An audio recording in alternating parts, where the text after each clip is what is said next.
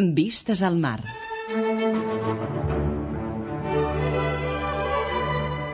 Vistes al mar. Una mirada als nostres músics.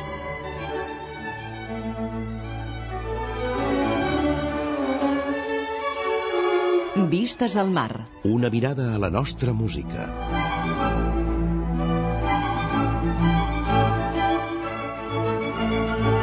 Vistes al mar. La música i els músics que han fet història al nostre país. Vistes al mar. Un programa realitzat i presentat per Xavier Xavarria. Bona nit i benvinguts a una nova edició de Vistes al Mar, el programa que Catalunya Música dedica a la música catalana, a la música i als músics que han fet història al nostre país. Per començar, rebeu una cordial salutació dels que fem el programa d'avui, el Fred Marín a les vies de so i qui us parla, Xavier Xavarria. Avui volem dedicar el programa a un personatge fascinant del món de la música. De fet, no sabem ben bé com definir-lo, perquè va exercir el periodisme musical, però també va compondre obres de tota mena, i moltes. Va escriure diversos llibres sobre música, va fer crítica musical, i va agitar el món musical català durant els anys 50, 60 i 70, li va donar vida, gairebé el va dinamitzar, i va ser el nexe d'unió de col·lectius musicals molt diversos. Un personatge que sempre estava al plat i al tall, que el trobaves en tots els saraus, sempre amb una opinió esmolada, visceral i enginyosa. Avui volem dedicar el nostre programa Vistes al Mar a Manuel Valls Gorina.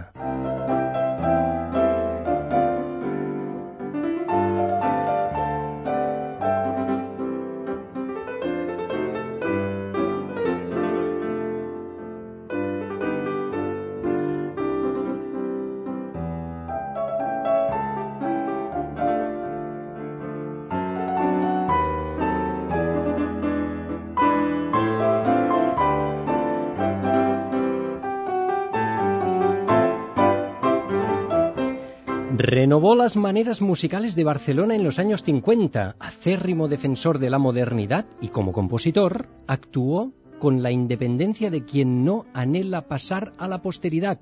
Així el definia Antonio Gallego, a Manuel Valls Gorina, el protagonista del nostre programa d'avui.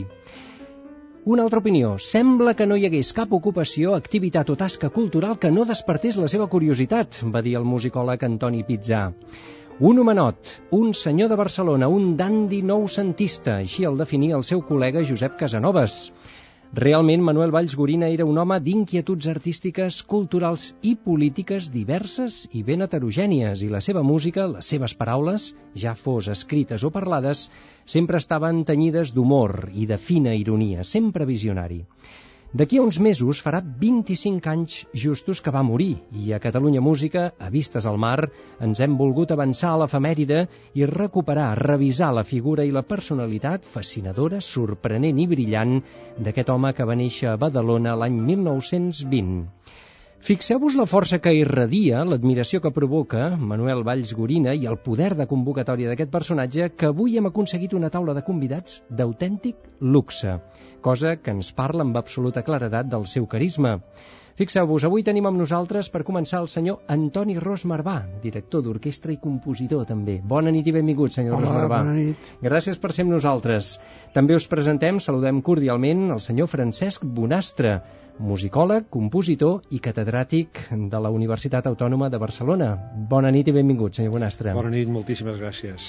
També tenim i us presentem el senyor Jaume Comelles, periodista i director de la revista musical catalana, on va exercir Manuel Valls Gorina durant molt poc temps, però d'una manera molt intensa. Potser va ser el padrí, podríem dir, senyor Comelles. No, va morir un mes abans Un de que mes sortís el primer número. Però Eh, ell estava en la gestació, em sembla, Totalment, eh? estava en gestació Completament. i va ser una llàstima que no vagi poder comptar amb ell.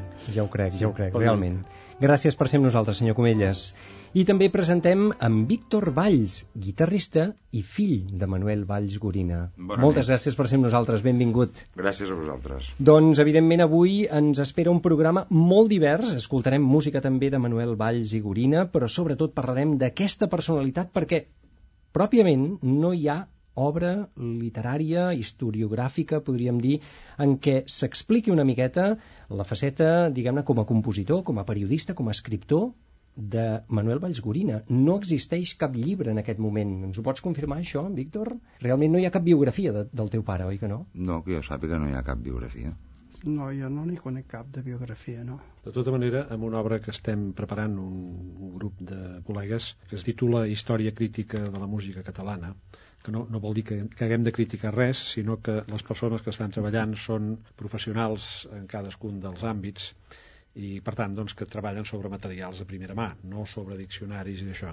Hi ha un dels capítols que fa l'Alejandro Zavala sobre el lit, i, bueno, i surt doncs, eh, la figura del, del, del Nani Valls amb un estudi que jo crec que és bastant, bastant aprofundit. Mm -hmm. No serà una monografia, però, eh, no, no, no, això, no, no, i realment està dins d'una obra col·lectiva. Penso que se la mereix. Sí, home, tot, evidentment. mm, tot i morir a una edat, diguem-ne, doncs que és allò que diguéssim, no tocava, oi que no? Va morir l'any 1984, estava en plena efervescència, en plena lucidesa de feina, i a més a més, amb un epitafi força peculiar i curiós que ens comentaves, Víctor?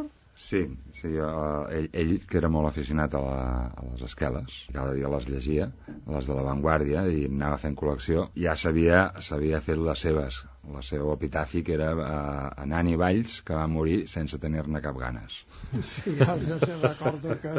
Que després, al moment de, de posar-ho, doncs, la família, quan jo ho vaig comentar, no, no la família, la, la mare i, i els germans i fills, sinó els, els germans, la família Valls, diguem els germans del meu pare, que eren molts, feien molta pinya, però era, també eren eh, eren d'usos, eh? perquè jo vaig comentar-ho molt tímidament eh, i van, van engegar, em van dir, escolta, tu ara, ara en un moment, ara, No aquestes moment. coses, no? Vull dir, I això que ho havia ideat pròpiament ell mateix. Sí, eh? Per sí, cert, sí. Manuel Valls Gorina, sí. acabes de comentar Nani Valls. Era la manera en com se li deia d'una manera carinyosa, familiar, o realment transcendia? Els amics també l'anomenaven així? Mm, Jo gairebé penso, sí, penso, però potser que, que podríeu respondre sí, sí, més no, als no, amics, exactament, no? sí, sempre és així, sempre Nani. telefonava i dir, soc en Nani.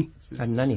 Nani, sí, sí, dir, era, era molt... Tots vostès el coneixien sí, per Nani. Per en Nani, sí, sí, a la millor haguessis dit, eh, telefonat amb Manuel Valls, o dit, qui? qui? No, el Nani. Ah, sí, sí, sí, sí, sí, era molt clar. I era sí, advocat, era advocat, no era Sí, sí, músic era professional, abans ho comentàvem, que no, vas, no es va guanyar la vida pròpiament amb la música, escrivia molts llibres, feia crítica, escrivia articles, composava música, però no es va guanyar la vida amb la música, era, era eh, advocat pròpiament, no? A veure, el que és guanyar-se, el que s'entén per guanyar-se la vida, no, era, efectivament, era funcionari de l'Ajuntament als matins i a la tarda tenia un despatx amb un altre, amb un amic seu i advocat, on, bueno, doncs, eh, s'ho passaven, passaven bastant bé, també. I és que parlem d'un personatge amb una fina ironia, un personatge amb una, diguem-ne, amb un enginy a l'hora d'escriure i de parlar realment extraordinari. Valdria la pena fer una petita repassada de les circumstàncies en les quals els convidats del nostre programa d'avui van conèixer en Nani Valls, en Manuel Valls Gorina.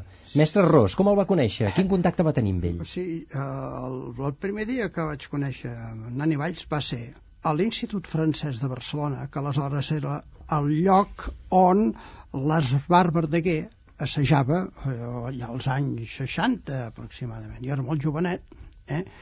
i era director musical de l'Esbar Verdaguer. I que en aquell moment s'estava muntant la primera història d'Ester, de Salvador Espriu, que en aquell moment va muntar en Jordi Sarsenedes, em sembla que era el director d'escena, sí, exactament, Jordi Sarsenedes, que a més a més Jordi Sarsenedes feia el paper de l'Altíssim, eh, de l'obra, i com sabem tots, doncs, eh, hi ha una música incidental que, a més a més, diu, si mal no recordo, més o menys com diu, diu l'Espriu, arrenquen anivalls amb música de fagot i timbales. Eh? més o menys ve dir això, si no és exactament, però, però sí. Tipo, I aquí estem altra vegada abocant el nom de Nani, en aquest cas, Nani Valls. Sí. I aleshores, doncs, jo tocava la música del Nani Valls i ell em diu, oh, com llegeixes a vista? I aleshores era un pianista doncs, bastant decent, eh? i a partir d'aquí, i a més a més es va conrear una amistat que va durar fins al darrer moment. I després ja, eh, en fi, doncs ens vam veure amb molta freqüència, unes vegades més que altres. Aquí a l'Institut Francès, si no recordo malament, l'any 46, o 47 potser, es va crear el Cercle Manuel de Falla, que de fet ell va ser un dels impulsors i dels fundadors més importants i que aplegava no només compositors, sinó músics, intèrprets, també crítics, eh, gent molt diversa. No sé si vostè també hi va estar vinculat, mestre Ros. No, no, perquè jo era una miqueta més petit. Mm, encara no tenia les Encara credencials sí. per... Sí. No el van Sí, arribar a sí. acceptar. I al llarg de, de Però- la seva però, vaja, trajectòria... A, a, tots el, a tots els components del cercle Mal, Mal de Falla jo els coneixia tots. Mhm. Inclús el pastoret, que era, que era en, precisament en Comelles. Comella. Joan Comelles, eh? Sí, sí, Cap, no- cap no parentiu amb el nostre convidat d'avui, No, oi? no, no, no, Joan no. Comelles. No, no. Joan Comelles. I li deien el sí, pastoret. Sí, sí, ens dèiem el pastoret, sí. Cosa que suposa que li devia tret. No sabem si el Xavier Montsalvatge, si el, el mateix nani, podria ser molt bé que fos ell, però que li dèiem el pastoret, carinyosament el pastoret. Mhm. I, em permets, jo voldria dir que, que del segle de la Falla es pot dir que gairebé era l'únic que no era deixeble del Taltabull. Quasi tots ells. I ell era del pare de Nosti, que, era un, que, és un, que és un mestratge també Vols original. dir el nani? El era Sí, quasi sí. l'únic quasi gairebé, l'únic que no era deixeble del Taltabull, perquè tots pràcticament Sí. eren, eren aquella generació que van, que van ser... I ell, curiosament, va ser del pare de Nosti, que és una figura també curiosa, que va estar aquí a Barcelona, i és una cosa que sempre m'ha cridat l'atenció. No sé si tu, Víctor, eh, saps com va anar això, de que, de que no fos del Taltabull i fos eh, deixeble del pare de Nosti. Sincerament, no en tinc ni la més remota Un idea. personatge, un capellà, un, un, un, Sí, un, sí. cap- un caputxí que va estar aquí 10-12 anys Ell a, Barcelona. dit, m'ho havia dit sempre, que ell era, era deixeble de, Pare de Nosti. Mhm. del de Home, recordem que en aquest cercle Manuel de Falla hi havia doncs, en Joan Comelles, aquest àlies Pastoret, que ho acabem de descobrir, això, no sé si... I hi havia en Blancafort, eh, eh, en Casanovas, en Cercós, un altre compositor, en Cerdà, Mestre Esquadreny, en Giró, i també fins i tot en Cirlot, és a dir, hi havia Sí, sí, un sí. cercle bastant heterogeni de personatges, no? no només... Pipó, em sembla que també. En Ruiz Pipó també, eh? Sí, sí, sí. I llavors el, el, Montsalvatge i el Montpou pianista, també. el Giró. Sí, el Giró, Giró. el Giró també, el sí, el- Giró sí, i la, i l'Anna Ritchie, que també Sí, era sí, la, sí. la mussa. La, la, la, La- la- era sí, la sí. mussa... sí, sí, sí. L'alma maler catalana, li deia, en algun cas. Doctor Bonastre, quina va ser la seva relació? Com va conèixer el, a Manuel Valls Gorina? Jo vaig conèixer de manera molt incidental eh, la segona meitat dels anys 60, però especialment a partir de la fundació de la Universitat Autònoma. La Universitat Autònoma eh, la va fundar el mateix rector, la mateixa persona que va crear, va reconvertir l'orquestra municipal en orquestra Ciutat de Barcelona, que era el germà del, del, del aleshores ministre, el Villar Palací, no? I quan vam començar a la Facultat de Lletres eh, estàvem a Sant Cugat, al monestir de Sant Cugat, perquè eh, encara havien de fer totes les obres en el que ara és el campus de Bellaterra.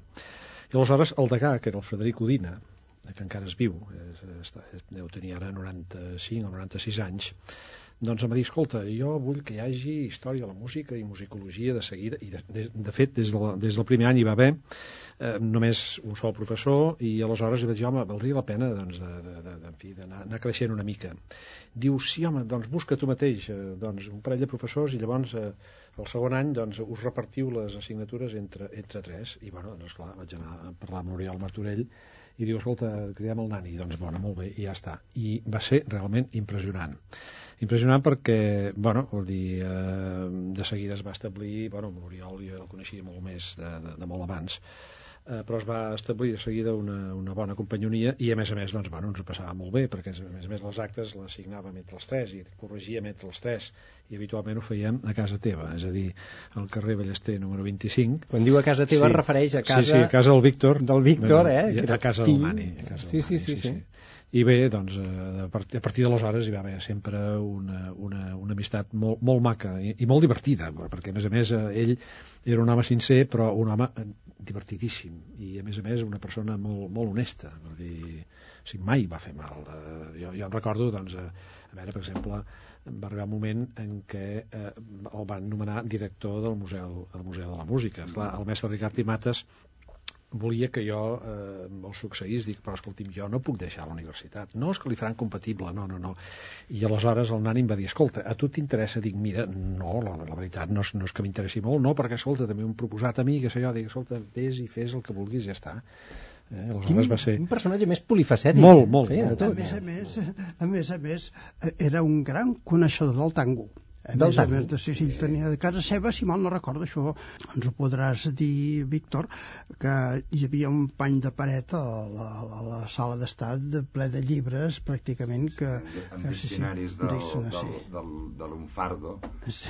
sí, sí, que de fet és l'argot genuí de, del tango de, de, de, de tot el que és la zona del Rio de la Plata no? Sí, sí. bonaerense i que, bueno, clar, És si no tenies aquells Entre diccionaris... cometes era com una mena d'estudiós del tango, Sí, també, sí. entre altres coses, eh? estudios del tango. Estem descobrint coses absolutament inusitades i això que eh, mirem de- d'il·lustrar-nos amb tots els escrits que va fer que realment són d'un enginy extraordinari i que malauradament molts d'aquests llibres ja no es troben, estan eh, descatalogats i només els trobes en llibreries de vell o en biblioteques, però realment no tenen desperdici. Eh?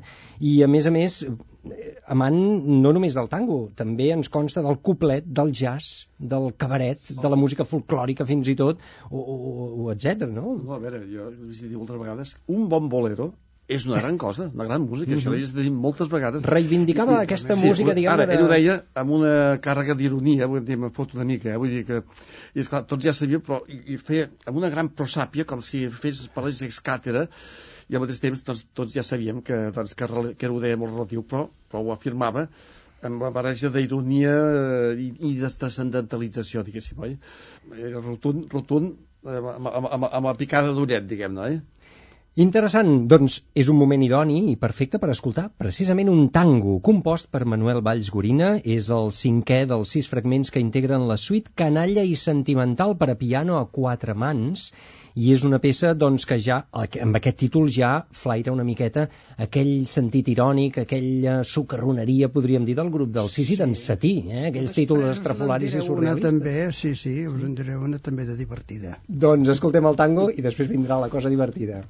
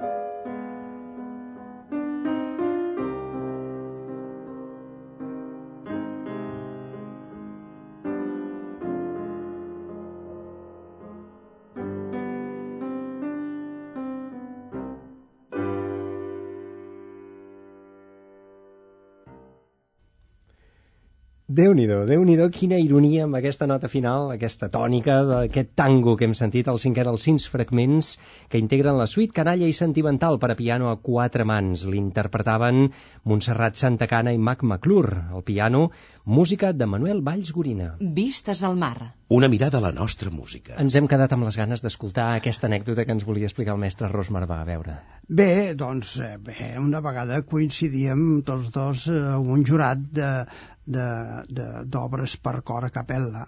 eh?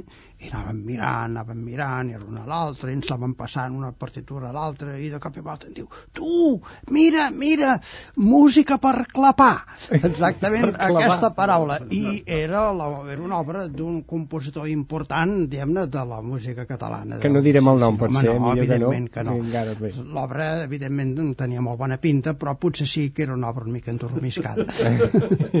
Déu-n'hi-do, quin sentit. Hauria, es podria fer un llibre amb totes les anècdotes i totes aquestes vivències, perquè en deia de tots colors. A més a més, clar, un, un personatge que era eh, un intel·lectual, podríem dir, un erudit, perquè en tenia de moltes coses, estava molt interessat, era inquiet per l'art, per tota mena de manifestacions culturals. De fet, va ser fundador també la revista Ariel l'any 1946 i fins i tot es va implicar en qüestions polítiques quan era molt jove, eh? va protagonitzar algunes tancades d'estudiants als anys 60, etc. No sé si els consta això. A veure, jo, jo diria que de, de, aquests, nosaltres estem parlant, jo el, el vaig conèixer també als, als anys 70, aquell moment d'efervescència i dels anys 60-70 va ser dels compositors aquest, el que més es va comprometre més enllà del fet musical estricte.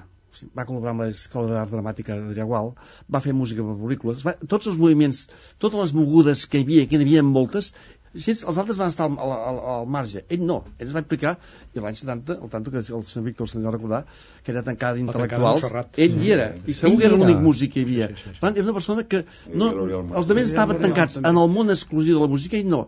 I la seva curiositat, la seva inquietud, el seu, a veure, el seu ideari progressista i catalanista intrínsec, encara que no en presumís, doncs el va fer estar a totes les mogudes. No va ser el músic i prou. Els altres eren músics i prou, la vinculació amb el Salvador Espriu, amb els grups de teatre, en tot, o sigui, amb el, amb el cinema, tot això, és amb el Barça, amb el famós himne.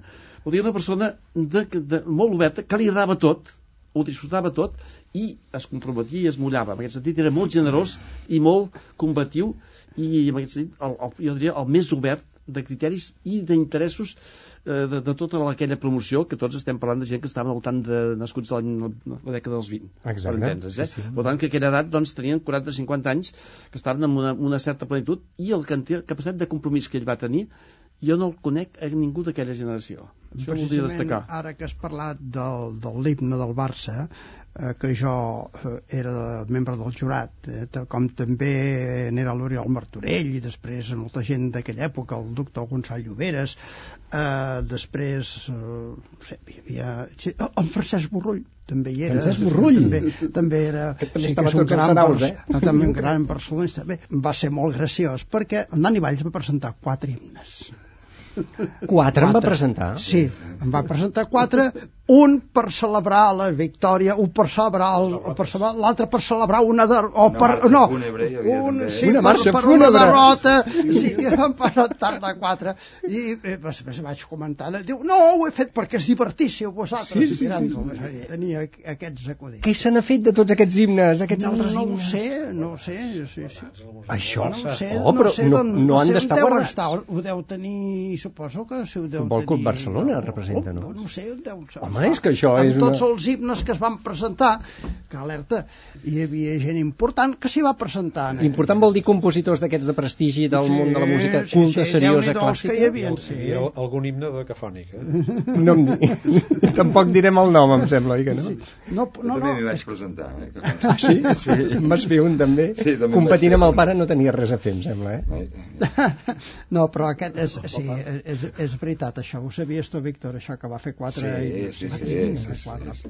sí. Curiós, eh? Amb lletra, el que va guanyar el guanyador de La Josep lletra Maria era sempre la mateixa, eh? Mm -hmm. La lletra que havia fet, eh, l'havíem fet eh, juntament en Jaume Piques, a Pau Descansi, i després en Josep Maria Espinàs, Mhm. eh, que és la que es capta. Exacte, però aquesta música realment és captivadora, més enllà, diguem-ne, del sentiment que pugui evocar. Home, no ens en podem estar sentint-la.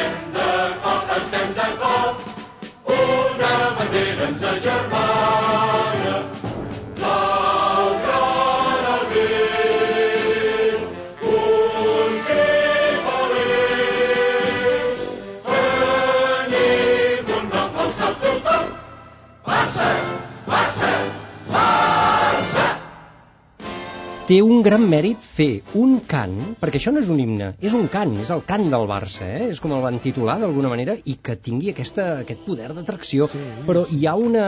És, és a dir, jo suposo que, que no és fàcil compondre una melodia que tingui aquesta tirada i aquesta, No. aquesta força, no, mestre? No, després el que sí que és veritat, d'acord amb el teu pare, Víctor, el que vam fer després també és donar-li un punt de marxa interna i perquè això tingués... Eh, sí, sí, però, i ell estava... Sí, sí, Sí. i ell estava totalment d'acord, eh? Sí, sí, perquè, en fi... Doncs, Un retoquet, Un diguem- retoquet, diguem-ho clar, sí, eh? exactament, un retoquet, sí, sí.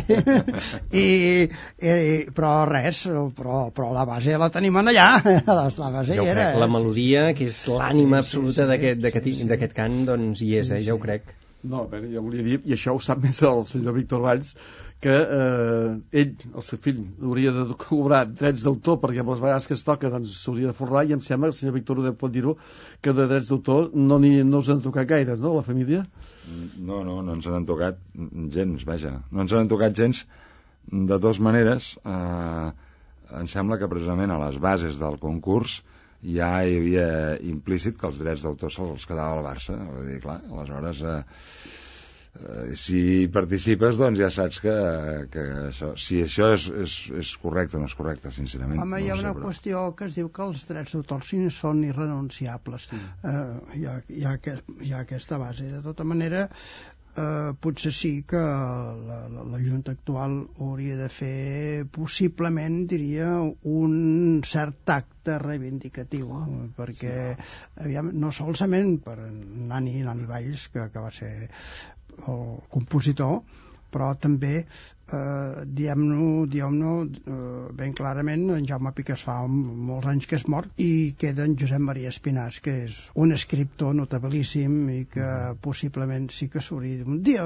crec que el Reivindicar club- la feina el que van club, fer, la el figura, club no? hauria de tenir Doncs- diguem-ne aquest gest que sigui d'elegància. fins i tot, sí, d'elegància, exacte. Eh? Amb una persona, a més a més, de tanta elegància espiritual com el Josep Maria Espinàs. Sí, Mhm. sí, sí, sí. I a nivell acadèmic també va tenir les seves incursions, perquè recordem que Manuel Valls Gorina va ser l'autor del que podríem dir la primera història de la música catalana d'aquest país, pràcticament. És a dir, eh, ara sí que s'han engegat una sèrie, però el German, la llavor, la va portar, la va dur a terme ell, conjuntament pot ser amb Oriol Martorell. No sé com va anar la qüestió. Eh, ps- no, bàsicament eh, la història de la música catalana va ser, va ser ell. Va ser ell i, a més a més, a veure, el, dia- això era l'any 1969, es va publicar l'any 1969, eh, plogut molt i el que vulguis, però eh, el que sí que va tenir eh, és l'encert de mm, com diria, un coratge intel·lectual per dir, bé, a veure, doncs no hi ha una història de la música catalana, doncs fem-la. I la va fer doncs, eh, amb tot el que ell podia fer, vol dir que, que, que, que era molt, perquè doncs, era una persona de, en fi, de, de molta iniciativa i a més a més eh, una persona que era, era capaç de fer-ho. Esclar, al final sempre queda el mateix. Eh, dius, bueno, doncs la música contemporània, esclar, els compositors són vius, per tant, aleshores el judici de la història, si és que algú hi creu, jo no hi crec, eh, doncs no es pot acabar de fer i per tant doncs, eh, el que sí que va, va, va deixar diguem, molt ordenat uns criteris a partir dels quals es pogués fer una música, una història de la música que encara està, jo crec, per fer. Però eh, la seva aportació va ser, va ser molt interessant. Sobretot tenim present que, esclar, no es va parar aquí, sinó que després doncs, va fer la música contemporània al públic és d'una sensibilitat cap a la música contemporània impressionant. El llibre, El la llibre, música el llibre, contemporània el al llibre, públic, sí, eh? sí, sí, és- és un Mhm. llibre Recull que va publicar- articles, etc. I, i jo el que endavant, diria, el que diria, moltes vegades m'ho he preguntat, tenint en compte que, com ha dit molt bé en Víctor Valls, que era una persona que al matí estava a l'Ajuntament, funcionari l'Ajuntament, on després tenia eh, també a les tardes eh, aquest bufet d'advocat que, que, que treballava amb un company seu i després que va fer molts llibres, que va composar i que a més a més era home de tertúlia i que anava als concerts, sembla, com s'ho feia? Eh? perquè veritablement va fer moltes coses aquí trobem que, perquè, per Déu-n'hi-do el que va escriure D'on treia el temps, i no? d'on treia el temps i després també de, de llibres i a més a més era un home que era un gran conversador i que li agradava molt la tertúlia i d'anar a sopar amb amics i home, doncs jo hi havia, havíem coincidit moltes vegades amb el grup amb Montsalvatge, Turull Montpou i jo doncs hi anava molt sovint, era una miqueta el, el, el petit de la colla en aquest cas, eh? en què hi havia aquelles tertúlies després dels concerts de Terminus aquell aquella cafeteria que avui ja no existeix, allà al carrer Aragó, Al carrer Aragó, dia, Passeig de eh, Gràcia. Aragó Passeig de Gràcia, com s'ho va fer? Sí, sí, sí, com s'ho feia amb tantíssima aquesta producció, un personatge que no es considerava a si mateix un professional del món de la música, però tocava tots els termes, realment. El mestre Antoni Ros Marvà, de fet, va estrenar una de les seves obres, podríem dir, concertants, en aquest cas un concert per a guitarra i orquestra. Sentim-ne uns compassos i en acabat el comentem.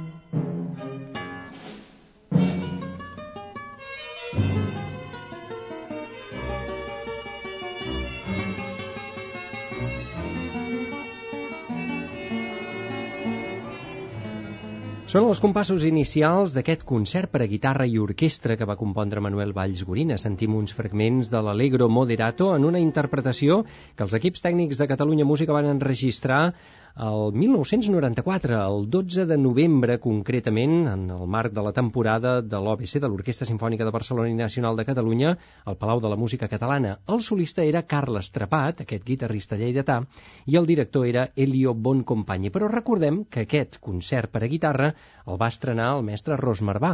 I, escolti, això eh, s'allunya força de la tonalitat, per tant, no era un compositor, diguem-ne, conservador, tradicional, era agosarat, tenia un puntet Sí, de... de tota manera, aviam, eh, ell formava part també d'un grup, diguem-ne, d'un moviment, com ho podríem dir, mediterrani, eh, que venia heretat, diguem-ne, d'una escola eh, més o menys francesa, per Exacte, els grup, manera. era molt admirador del grup sis, Exactament, sí. en Satí, I i aquí sí, no? hi, havia aquest, hi havia aquesta tendència, evidentment que eh, els pers representants, evidentment, era Xavier Montsalvatge, després Nani Valls, eh, Montpou per una altra, per una altra via, eh? i després hi havia un altre grup, diguem-ne, de més vanguardistes, eh? que venien més, diguem-ne, de l'escola Darmstadt i que al mateix temps eh, i practicaven el dodicafonisme, uh -huh. eh, també segons, la, segons els dictats, entre cometes, de l'escola de Viena, eh? hi havia aquestes dues vessants. I ell no s'afiliava en cap de les dues, convivia bé amb tots aquests no, ell llenguatges. s'afiliava a la primera, a la primera d'una manera molt natural, Sí. sí. perquè a més a més ell era un home mm, molt, molt mediterrani en aquest, en aquest sentit, eh? Uh -huh. I aquí tenim, per exemple, bé, hem sentit en aquí aquest tango, dir que era un home, a més a més, doncs, que, que bé, doncs, que, que, que li agradava molt, i el concert de guitarra, no, no, és sí, és una obra bastant agos- agosarada al mateix temps, però que està molt lluny, diguem-ne, d'una estètica més germànica, entre, per, per dir-ho entre cometes. Per entendre'ns. Sí, sí, sí, sí, sí, per queda ben clar i ja ens n'hem fet la idea realment sentint aquests compassos. Comentava abans el senyor Jaume Comelles a micro tancat que Nani Valls pertany a aquesta generació de músics amb molta formació i fins i tot doncs, amb un bagatge intel·lectual i cultural enorme, però amateur, podríem dir. Exactament. Amateurs en el doble sentit. De No que... només ell, eh, sinó No, no, la- hi ha una generació, generació, eh? podríem parlar doncs, del mestre Escudent, que era enginyer, el Casnovas, que també era advocat, una gener- generació que en un moment en què també viure de la música era molt difícil, jo crec que ni s'ho van plantejar mai, viure. Vull dir, eren gent amateurs, amateurs en el sentit d'estimadors de la música molt profuns, amb una gran cultura, però que realment no anaven empaitant un encàrrec, ni empaitaven a la premsa perquè no els havien sortit dues línies perquè havien estrenat la seva obra, perquè gràcies a això es podria aconseguirien una influència i potser enregistrarien un disc. Eren realment tenien un esprit esportiu, un esprit obert, un esprit generós, sí. un esprit no especulador, i per tant això era, era admirable amb aquesta gent, gent de gran cultura, una gran generositat que no es feien la traveta ni es feien la trabanqueta entre ells, que eren, molt, que eren capaços de ser molt amics entre ells, això és formidable que eren lliures, molt lliures des del punt de vista de la professió musical però diguem-ho diguem ben clar, en aquell moment era molt difícil ser Clar. professional al 100%, sí. perquè el mateix Xavier Montsalvatge doncs va arribar a ser inclús director de la revista Destino diguem, Mm. que, oh, i a més a un més gest que l'honora molt, perquè a més a més eh, si ell no s'hagués posat la revista plegava Sí, evident, Eh, el- evidentment que hi el- havia el, del Néstor franquisme, Luján sí, doncs, sí. Que, que, que guardava una mica el, el, el que era el- l'esperit de la revista en quant al sentit més, eh, més eh, radicalment periodístic, podríem dir. Però Xavier Montsalvatge, que després, evidentment, que va ser catedràtic de, de, de composició al Conservatori Municipal al carrer Bruc, però també durant molts anys va haver de compartir diferents professions, diferents maneres de, de guanyar-se la vida, com tantes persones. el mateix Guin Joan va ser funcionari de l'Ajuntament sí. també i tot i que ell ja era una, una línia més professional Guin Joan ja era una, però, però, però vull dir, era una generació que que per mi no s'ho van plantejar potser coordinava quatre diners del Dani Valls per una pel·lícula, per la música que feia per la ciutat cremada, o per Victòria o per companys, però vull dir, no, no era el seu leitmotiv, el seu motiu era disfrutar molt de la música, jo no sé si el senyor Víctor això podrà dir, però jo que eren gent que sabien disfrutar molt de la música precisament perquè no en depenien, perquè podien fer-ho amb tota llibertat, no sé si això estic parlant amb un catedràtic de, de, de, de, de, de, de Dani Valls i està molt... No, molt... no, jo, jo sóc jo. A veure, La pregunta podria ser, senyor Víctor Valls, li veien el pèl al seu pare amb tota aquesta activitat? aquesta, o sigui, abans quan el Ros Marvà deia, es preguntava d'on treia el temps. Home, jo pensava, doncs, una mica ens el treia a nosaltres, el temps. No? Però, bueno, vull dir, doncs, escolta, vull dir, és, eh, ha sigut així, ja està. Perquè és a que, a dir, més a més, alguna vegada he fet la confessió, dic, els dissabtes a la tarda, si, si vaig ser de veure una pel·lícula, una pel·lícula de la televisió de, de cowboys, Sí, també me sí, home, la, les pel·lícules de l'oeste, vaja, eh, el, el, jo, vaja, l'afició de- a- a- als westerns, per descomptat, de casa venen de, de part del meu pare. I jo primer volia comentar una cosa, a veure, jo no sóc catedràtic de Nani Valls, perquè, a més, clar, la meva visió és molt peculiar. Abans, al principi del programa, has dit la sort de poder comptar amb aquesta gent tan il·lustre, i jo estic d'acord, i em permetreu que m'hi exclogui una mica perquè el fet de ser fill d'un personatge il·lustre i carismàtic com era el meu pare, doncs, eh, bé, és una sort, però no, no m'honora a mi de res, no, diguem-ne. En qualsevol cas, penso que és tot un luxe també tenir el fill de Nani Valls també avui amb nosaltres i parlar-ne, perquè probablement tenia aquesta manera de ser que queda ben clara amb totes les declaracions que fan els nostres convidats, però com a pare també devia ser una persona propera, divertida, enjugassada... Ah, sí, divertida Estava- molt, molt, molt. Sí, sí, o I sigui... les ganes d'inocular el virus, entre cometes, de la música en els seus fills hi era? Vostè s'ha dedicat a la Bé, música també, senyor Víctor? A veure, clar, aquí passa una cosa. I és dedicat a una altra cosa perquè la música no, veure, no dona per viure? Eh, ara me'n vaig per un momentet al personatge del meu pare, del Dani Valls. Jo darrerament he tingut, abans comentava també amb, en- amb l'Antoni Resmerbat, tinc la sort de treballar amb, amb una persona eh, que d'alguna manera és, bé, doncs és un personatge, és una mica una llegenda viva. I eh, Potser hauríem de dir qui és. Sí, no, estic eh? parlant del Raimon. Exacte, vostè és Eh? guitarra sí, també fa del bastants anys que treballo amb ell i un dels, dels primers singles que van caure per casa van ser el, el primer que va treure el, el Raimon, amb el vent i... La pedra. Sí. La pedra. Sí, la pedra i el, fi, els cinc dies que plou, etc. I, clar, les primeres vegades que vaig tenir la, la sort de poder eh, actuar al costat del Raymond, doncs la veritat és que em vaig sentir una emoció increïble. Després passa una cosa, i és que vas coneguent la persona que hi ha darrere el personatge, i això sempre desmitifica una miqueta. Per què? Doncs perquè, clar, qualsevol personatge, per fantàstic que sigui, doncs és una persona de carn i ossos, amb tota la seva càrrega de contradiccions i de... Les seves i de- petiteses, i totes les eh? seves petiteses, Sí, sí, que només faltaria, vull dir, que, vull dir no, no, no se'ls ha d'exigir aquesta, a, a, aquests individus que no les tinguin. I amb el meu pare, una miqueta era el mateix, és a dir, com a pare, doncs eh, potser sí que jo el veia massa poc. Ara, quan el vèiem, va- vaja, tu passaves bé, seguríssim. Mhm. Això, però seguríssim, eh? perquè vull dir, a casa, doncs, eh, els dinars, bueno, a part de que els dinars hi havia la capacitat de, si, si a casa érem cinc, normalment hi havia sis o set converses alhora, vull dir que ja és difícil, no? Però, Polifonia, era, eh? Sí, sí, era, era així, no? Era així, era així. I, vaja, era, tot eren jocs, doncs, eh, jo què sé, doncs, des de jugar al pare Carbasser, o, digueu-me, 10 tribus indis, clar, perquè això connecta amb el dels westerns, no? O, No sé, ens divertíem molt, la veritat és que ens Interessant, divertíem. realment. Si us sembla, podem escoltar una altra de les facetes com a compositor de Manuel Valls Gorina, la de compositor de bandes sonores de pel·lícules. I déu-n'hi-do quines pel·lícules.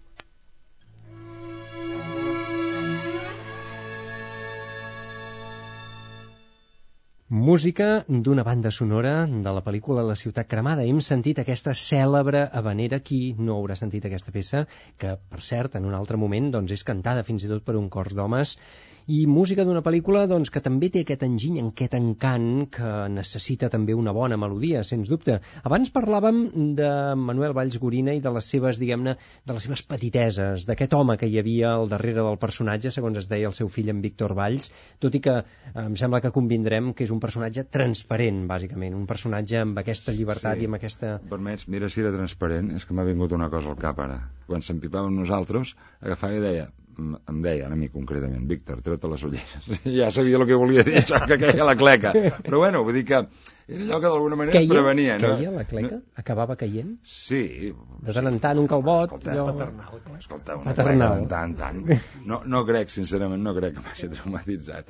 No, però vull dir que ja t'advertia d'alguna manera. Sí, Sí, sí. Escolta, Ho feia de manera elegant. T'has portat malament. Avisava, eh? Treu-te les ulleres. Estava que de cara, eh? Ara que caurà la cleca. Bueno, mira't que hi ha la cleca i ja està. I et posava la cara a la paret. I algú dir és que era una persona eh, que podia, si volia, jugar amb la vulgaritat com un cantó de serps amb 50 serps a l'hora i sortir sense una rascada. Jugava i en canvi sortia net completament i sortia amb la, tota la seva altura i tota la seva dignitat.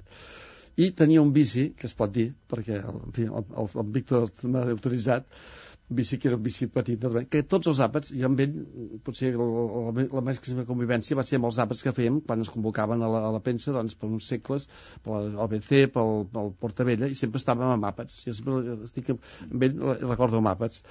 I sempre acabava demanant el mateix, una copa de, de nis i gel. I l'anís devia ser d'una marca sempre, que ara el nas del sempre del mono, perquè ell era de Badalona. Anís del mono, havia Mono, de i, ser. i, i podies veure la millor marca del món, havia de ser del mono. I en un d'aquests sopars, que vam anar-hi, doncs va a un restaurant que ja no existeix a Passeig de Gràcia, i va demà, i no tenia anís del mono. Ai, mare. Llavors això, esclar, era per ell era un drama, i nosaltres sabíem l'ironia que feia, però el cambrer no ho sabia, i li va demanar el llibre de reclamacions perquè no tenia ni de modo. Esclar, tots els altres aguantant-nos el riure perquè, perquè ells sabíem la broma feia i érem tota la serietat. Com pot ser que un restaurant que porta un nom català, que és d'aquí, de Barcelona, va fer tota la prosàpia, tota la comèdia, amb una gràcia increïble, amb un humor realment que els anglesos li haurien envejat. I al final el cambrer anava de, de corcoll i el, llibre de, de reclamacions va constar que protesta perquè no treien anís del mono. Amb tota la solemnitat i amb tot el d'allò. I, I això em sembla d'aquestes coses que és molt definitori d'ell, no? Aquesta forma de, tan relaxada. Sí, mateix quan veritablement va estar malalt, que van, van fer l'operació, doncs eh, també ell ironitzava una mica sobre la malaltia i sobre Sí, això. sí. Ell, a veure, és que ell, de fet, clar, el més aparent era la, la traquetomia que Sí, portava, sí, sí. però això, clar, és, això és molt aparatós, però de fet no, no era aquest el principal problema que tenia, sinó que el principal problema que tenia era el corp Sí. molt atrotinat, de, de tant, Sí, de sí, tant sí. pencar, precisament, no? Sí, sí. perquè treia el temps de sota les pedres. No? Vull dir que... és que ara me'n recordo jo, una de les coses que he heredat d'ell és, és l'afició a la lectura, que era difícil no, no agafar afició a la lectura visquent al mateix, al mateix sostre, no? Perquè, I aleshores m'explicava, clar, perquè Veus, jo haig de mantenir, ell tenia els seus promitjos, havia de mantenir el, el promig d'un llibre per setmana. Sí, això és el que em deia ell si, vegades. si anava una mica retrasat, agafava un llibre més primer. Llibres, llibres de què? Per curiositat, què llegia Nani tot, Valls? de tot, De tot, de sí? tot. Sí, sí. Un personatge, Sí, eh, sí, diguem-ne, sí, amb una sí. inquietud cultural. A més a més de tot allò que, que m'ha explicat que, De tot, que però no enciclopedista. A casa, a casa excepte la- l'enciclopèdia Salvat de la, de la música catalana, a la qual havia col·laborat sí, i codirigit. no hi havia cap enciclopèdia. O sigui, Per alguna raó d'ideari? No, però vull dir, quan venien a vendre les enciclopèdies, doncs no... Deia que no.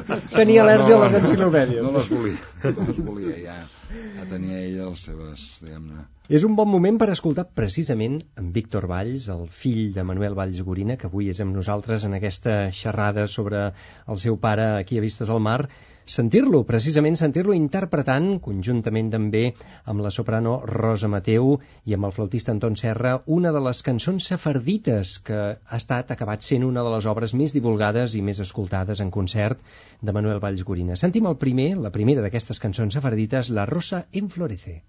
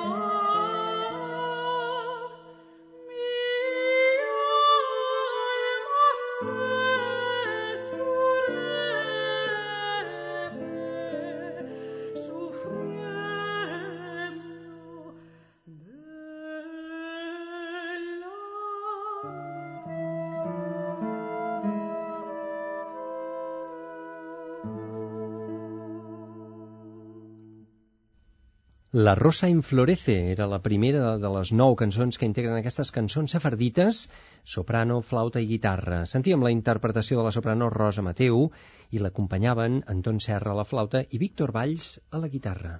Vistes al mar. I encara parlant de Manuel Valls Gorina, mm, valdria la pena encara comentar algunes anècdotes. Teníem coses al tinter, mestre eh, Rosmarbà, el tema dels concursos. Ell era, era jurat de Sí, concursos. havia estat molt de jurat de concursos i la veritat és que, que no, no, no sé, però evidentment la seva gran amistat també eh, com, eh, de col·legues amb en Xavier Montsalvatge doncs sí una anècdota que això ens ho ben explicat tots dos que suposa amb una certa ironia no sé si era veritat o no era veritat però diu sí, si hi ha un concurs de piano així eh, com aquests, com aquests i diu, si presenta alguna noia la primera puntuació és per les cames, per la qualitat de les cames. Bé, sense comentaris, eh? Això suposo que en aquell moment... Doncs, Sí, però vull dir, això és políticament fin- incorrecte, és però... fina evidentment, ironia, eh? Sí, Fina ironia. perquè després venia, evidentment, la valoració, Sí, sí, sí, eh, com sí. Déu mana, etc. Més comentaris, alguna cosa que podien comentar el senyor Comelles? Jo el vaig visitar a la clínica el que abans de morir i li vaig portar el número 0 de la revista amb l'esperança de que eh, col·laboràs perquè realment hauria estat una persona que molt necessària i molt útil a la revista. I jo no sé endeminar mai quan no està malament i vaig pensar que no, que ens veuríem i que, i que llavors, i realment va ser l'última visita i a mi em va impressionar molt perquè vaig veure que després vaig pensar que, que ell mateix veia venir la mort. Eh? Però en tot cas, jo, si una cosa voldria valorar definitivament és que jo crec que va ser un home que va ser molt lliure I molt optimista. i molt optimista sempre, això mateix. Va ser un home que va saber viure en plena llibertat, en un, un món que estem tan condicionats per llavors, va saber disfrutar de la seva llibertat, tant com a músic, com jo diria, això el Víctor sabrà més, com a persona. No va dependre de ningú. O sigui, ell va tenir una llibertat plena, va poder dir no com va poder dir no, va dir sí com va poder dir lliurement sí, no va estar condicionat. I aquesta virtut jo la trobo sensacional. Però com, com va trampejar el, el, el franquisme? Perquè recordem que ell treballava i exercia la seva professió en els moments més durs i més àlgids del franquisme, anys 50, anys 60. No va tenir mai problema de censura pels seus escrits? No es va mullar? En alguna vegada, però ell tenia, ja ho he dit, una valentia, un coratge sí, sí, sí. intel·lectual, i a més a més, aquesta és una faceta que, esclar, com que era un home doncs, tan de la broma i tan simpàtic i tan maco, vull dir que a vegades que a vegades no es veu aquest valor que va tenir ell d'enfrontar-se i amb el perill, perquè realment doncs, el perill hi era, i doncs, esclar, tant ell com Oriol Martorell, com a l'Enric Gispert, etc. vull dir, eren tots com l'Espinàs, etc. Era, eren tota aquesta generació que tu has Sí, parlat, el Gispert que, també és- que és oportú. se la jugaven, eh? O Sí, sigui, sí, se la van sí. jugar. Jugaven, però I ell que, se la va jugar. Parlant en termes futbolístics, tenien molta cintura. Sí. Eh? Sí, Sí, sabien sabien driblar, eh? molt bé, eh? Era un bon... Sí, sí, sí, sí, sí. i era una persona que humil, no presumia de res. O sigui, una persona que ell, era- amb el seu bagatge, amb la seva cultura, amb el seu... Parlo jo que era el nen de la colla, i si fes una cosa bé, t'elogiaven, no, no et deien, "Que nano que fa, no. Era, aquest, tenien aquesta, aquesta gent una gran categoria i al mateix temps una gran humilitat, un gran senyoriu, eren grans senyors, sí, sí, sí, sí. l'any abans era un gran senyor, una persona amb el sentit generós, amb el sentit de no tenir enveges, de no tenir cap mena de, de, de rancor ni res. Era lliure, era net. Vull dir, quan veus que tots anem a darrere d'aquí, que podem de parcel·les de poder en tots els llocs, no, no, no ambicionava res. No era ambiciós, no? No, una persona era- que... Era, era, era lliure, era net, eh? era, era, era, era realment admirable en aquest sentit, eh? i si t'havia d'elogiar, t'elogiava amb tota naturalitat. És de gran persones- generositat, gran generosos era, eh? Gran generós era el, el Dani Valls. Això, això ho voldria remarcar.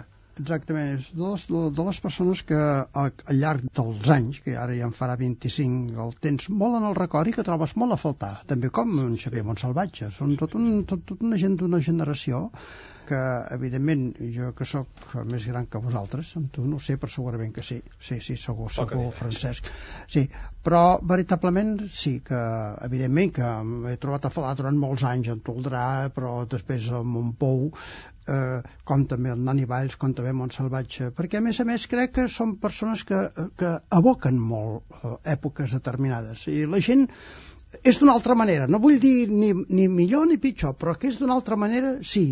I jo, que, que també soc soc, soc d'avui, però també que hi ha un ahir en la meva vida doncs, que vaig compartir amb aquestes persones, són persones que les continuo estimant i em, i fan falta, em fan falta, i no les tinc. Eh? Sí, sí. sí. I estan en el record. No té substitut, eh, realment. No, No, no. Costa de trobar algú en No, aquests no, no. moments, en aquests 25 anys, ningú ha substituït aquesta figura d'aquest erudit intel·lectual, una persona amb aquest fair play musical que era capaç de tocar tota mena de tecles i que tothom, tenia tothom a la butxaca. No sé si tenia algun enemic. Víctor, això et consta? Tothom en té. A veure... Algú, dir, alguna envejeta? Sí, algú sí, li... algun sí? petit, Jo no, podria- algun jo petit no- enemic, no diré. però si t'haig de dir la veritat, en aquest moment no me'n ve cap al cap. Jaume No, a Comelles... veure, jo volia que- especificar una cosa. Podria ser que algú li tingués alguna cosa contra ell, però ell, aquella persona, no li tenia ell, ell res contra ell. O sigui, podia encaixar perfectament i sense tenir un compte gens en compte, amb aquest esprit esportiu i aquesta generositat. Volia citar algun cas concret d'alguna mala jugada que li van fer, que ell ho va aguantar amb un estoicisme elegantíssim i sense caure mai en la rèplica ni no cal dir ni barbera ni cap. No, però Això havia- jo he viscut un cas que bueno, he viscut molt de prop i l'he conegut. I amb aquesta elegància i amb aquest que m'han m'han fet mal, doncs és igual, però jo no, no, no caic en el seu terreny de cap de les maneres. Però de la mateixa manera que hi havia moltes persones que, molts compositors que, que, que estaven en l'esperit vanguardista que també criticaven molt amb en Xavier Montsalvatge criticaven també amb en Nani Valls Sí, i criticaven molt sí, el clar. tipus d'estètica i el tipus de posició que I de tenien manera de viure, i de manera de viure la música, fins i tot, eh? de manera sí. de viure. Sí, sí, perquè jo mm, havia escoltat i havia sentit, per exemple, aquest tipus de envegetes petites de, de, de poble petit, també una mica, eh, de, fa- de, de manca de, de generositat i de grandesa.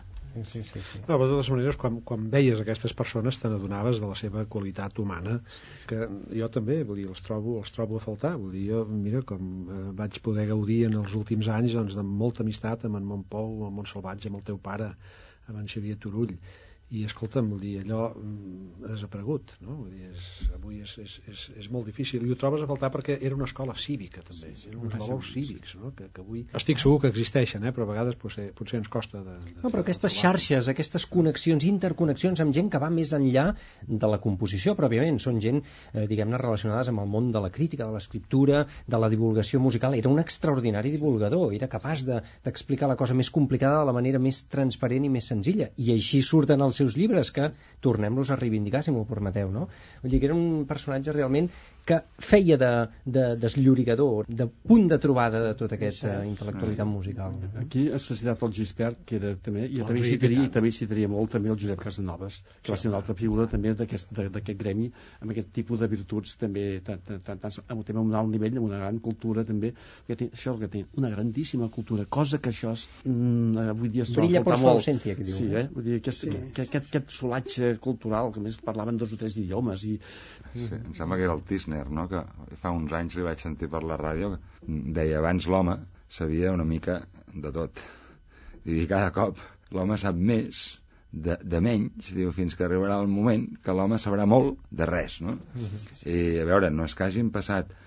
No hem passat tants anys, però el que passa que aquests anys que han passat, les coses, suposo que estareu mínimament d'acord, a nivell social han canviat moltíssim. I, i, I un dels fenòmens al que estic d'alguna manera fent al·lusió és a la especialització. No? Vull dir, avui en dia escolta, aquest pas, no sé, trobarem músics especialitzats en fer dos sostinguts, per exemple. No? I, això, escolta, no, Això és una tònica que desgraciadament es veu a tot arreu i, a més a més, en un país com el nostre, per exemple, eh, que, que, que hi ha 13 universitats, no, no, no, no es poden, nosaltres no podem mantenir 13 universitats amb un nivell d'exigència. Mm. I aleshores moltes universitats el que van és a ser excel·lents, doncs, què sé jo, amb l'ala dreta de la mosca del vinagre, Mm. i va, amb això no es fa res, és dir, si no es fa investigació bàsica, si no hi ha una formació bàsica en tot, vull dir, com amb la música, és a dir, si no hi ha una gran inversió en educació musical, no hi pot haver cultura. però de, I sí, fa- evidentment però so, som, uh, simplement si, si mirem els diaris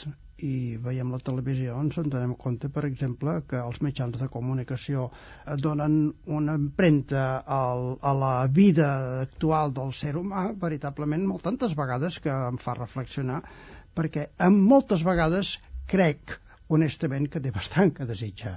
Però això és evidentment que, que la vida és així i en aquest moment toca el que toca Clar, Eh? sí, sí. I Però aquella moment- gent, eh, el que sí, que vivia aquella gent com en Nani Valls, que doncs també vivien més lliurement, encara que vivien molt, lli- més lliurement en un país que no era lliure, curiosament, sí. perquè a més a més vi- vivíem tots sota, sota una dictadura molt desagradable, però al mateix temps hi havia aquesta llibertat que tenia el ser humà, en aquest cas, com el cas del Nani Valls i molts altres, eh, que també van saber fer-ne d'aquesta necessitat vir virtut. construir-se aquesta llibertat personal. Jo, jo, eh? lliure, lliure, lliure amb si mateix. Naturalment, Amb si mateix. aquesta és la, aquesta és la Amb si resposta. El context, evidentment, no era de llibertat, però en canvi amb ells mateixos eren molt lliures, des de dintre, internament. Personalitats com la de Manuel Valls Gorina són autèntics fars i com els enyorem, fins i tot la gent, aquí un humil servidor també s'hi ha d'incloure, els que no vam tenir l'oportunitat de conèixer-lo i que només el coneixem a través de la seva música o dels seus escrits i realment enyorem doncs, figures mestres, autèntics mestres del saber estar, del saber escriure, del saber parlar i de saber viure, fins i tot com Manuel Valls Gorina, a qui hem volgut homenatjar avui a Vistes al Mar, aquí a Catalunya Música, i que esperem que l'any que ve, el 2009, se'n faci prou ressò la societat en general, especialment el món de la música, amb motiu del 25è aniversari. No sé si hi ha res preparat, però així ho esperem i haurem de començar a punxar qui calgui, no? Eh, no sé què els sembla. Seria Eh? desitjable. Seria desitjable i així ho esperem. Doncs se'ns ha acabat el temps i és una autèntica llàstima perquè seguiríem parlant hores i hores amb aquests convidats de luxe que hem tingut avui. Agraïm moltíssim de tot cor la seva presència, assistència i totes les paraules i saviesa que han abocat el senyor Jaume Comelles, el senyor Víctor Valls, el senyor Antoni Ros Marvà i el senyor Francesc Bonastre. Moltíssimes gràcies a tots per haver estat amb nosaltres. A vosaltres. Gràcies. A vosaltres. I a vosaltres, estimats oients, també us ho agraïm la vostra confiança, la vostra atenció i us esperem la setmana vinent en una nova edició del programa Vistes al Mar. Hem estat Alfred Marín a les vies de so i qui us parla Xavier Xavarria. A reveure i molt bon cap de setmana. Vistes al mar.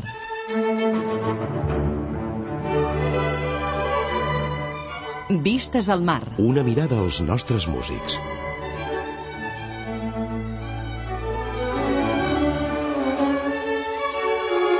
Vistes al mar. Una mirada a la nostra música.